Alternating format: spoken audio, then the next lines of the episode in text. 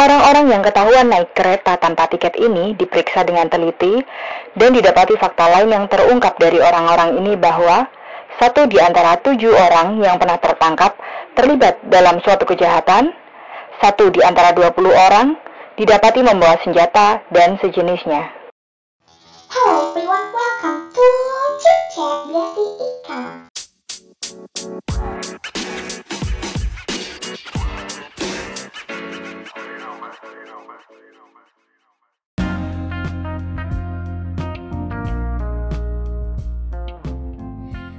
Hari ini saya mau mengulas satu part dari buku yang ditulis oleh Malcolm Gladwell yang berjudul The Tipping Point.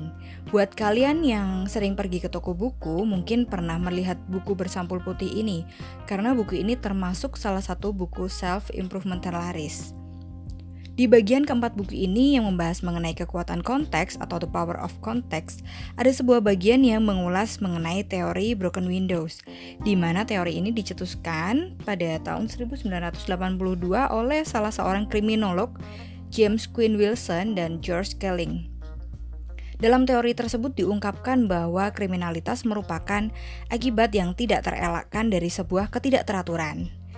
Jika jendela sebuah rumah pecah namun dibiarkan begitu saja, siapa pun yang melewati rumah tersebut cenderung berpikir bahwa wah rumah ini tidak ada penghuninya atau wah rumah ini tidak ada yang merawatnya.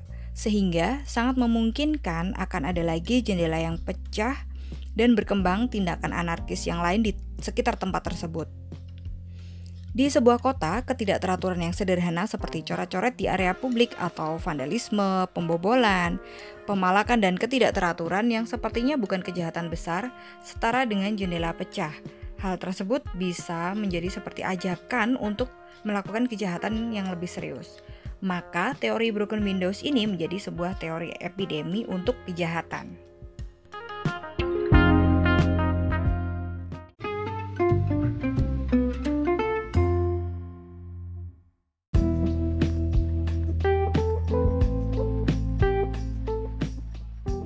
Dikisahkan dalam buku ini, William Breton yang pernah menjadi kepala Departemen Kepolisian New York City adalah seorang polisi yang menganut teori broken windows. Pada bagian ini diceritakan salah satu pengalaman William Breton pada tahun 1990 ketika menindak kejahatan yang mungkin bagi masyarakat dianggap bukan kejahatan yang serius. Breton memutuskan untuk membasmi kebiasaan naik kereta tanpa tiket membasmi kebiasaan naik kereta tanpa tiket. Uh, terdengar sederhana ya. Ya, menurut Breton, kebiasaan naik kereta tanpa tiket ini berpotensi untuk menjadi pangkal tindak pelanggaran lain yang nantinya akan lebih besar.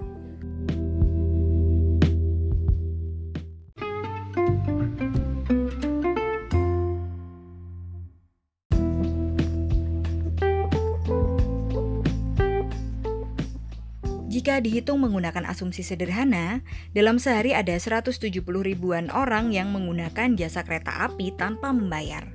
Orang-orang tersebut terdiri dari anak-anak yang sengaja melompati palang pintu, kemudian yang lainnya adalah orang dewasa yang sengaja mengakali mesin penjualan tiket dan bahkan sampai mendobrak palang pintunya. Sedangkan orang di belakangnya adalah barisan ikut-ikutan saja yang tanpa merasa bersalah, mereka ikut masuk kereta tanpa membayar. Alasan yang diungkapkan orang-orang ini begitu sederhana. Ya, karena ada beberapa orang naik kereta tanpa membeli tiket, jadi tambahan beberapa orang tentu bukan masalah kan, seperti itu. Sehingga hal ini menjadi efek bola salju yang semakin lama semakin besar. Mengapa tindakan ini tidak pernah ditindaklanjuti secara serius sebelumnya? Harga tiket e, kereta saat itu hanya 1,25 dolar dan masih banyak kejahatan lain yang lebih serius dan membahayakan, sehingga polisi kereta merasa pelanggaran ini hanya akan membuang-buang waktu jika ditindaklanjuti.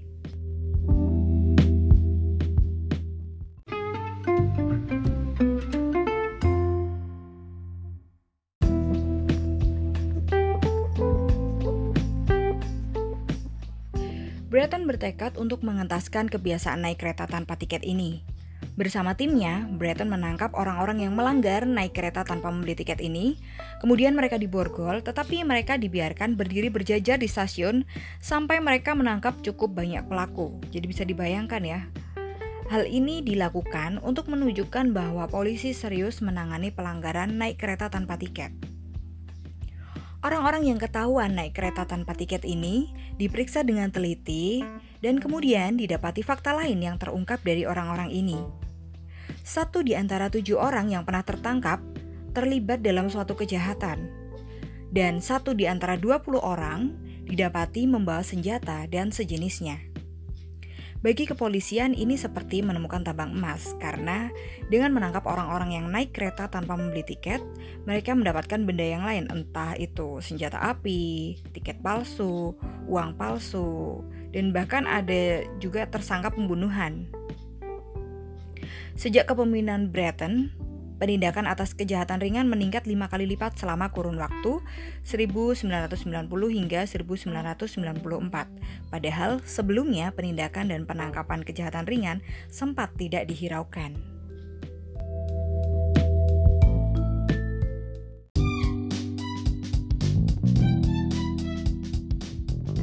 Dari kisah William Breton, kita belajar bahwa pelanggaran remeh yang umumnya dianggap tidak berarti bisa memicu sebuah kejahatan besar atau kejahatan serius. Semoga kisah ini bisa menambah pengetahuan kalian semua. Sampai ketemu di Chit Chat Yuliasti Ika episode berikutnya. Bye!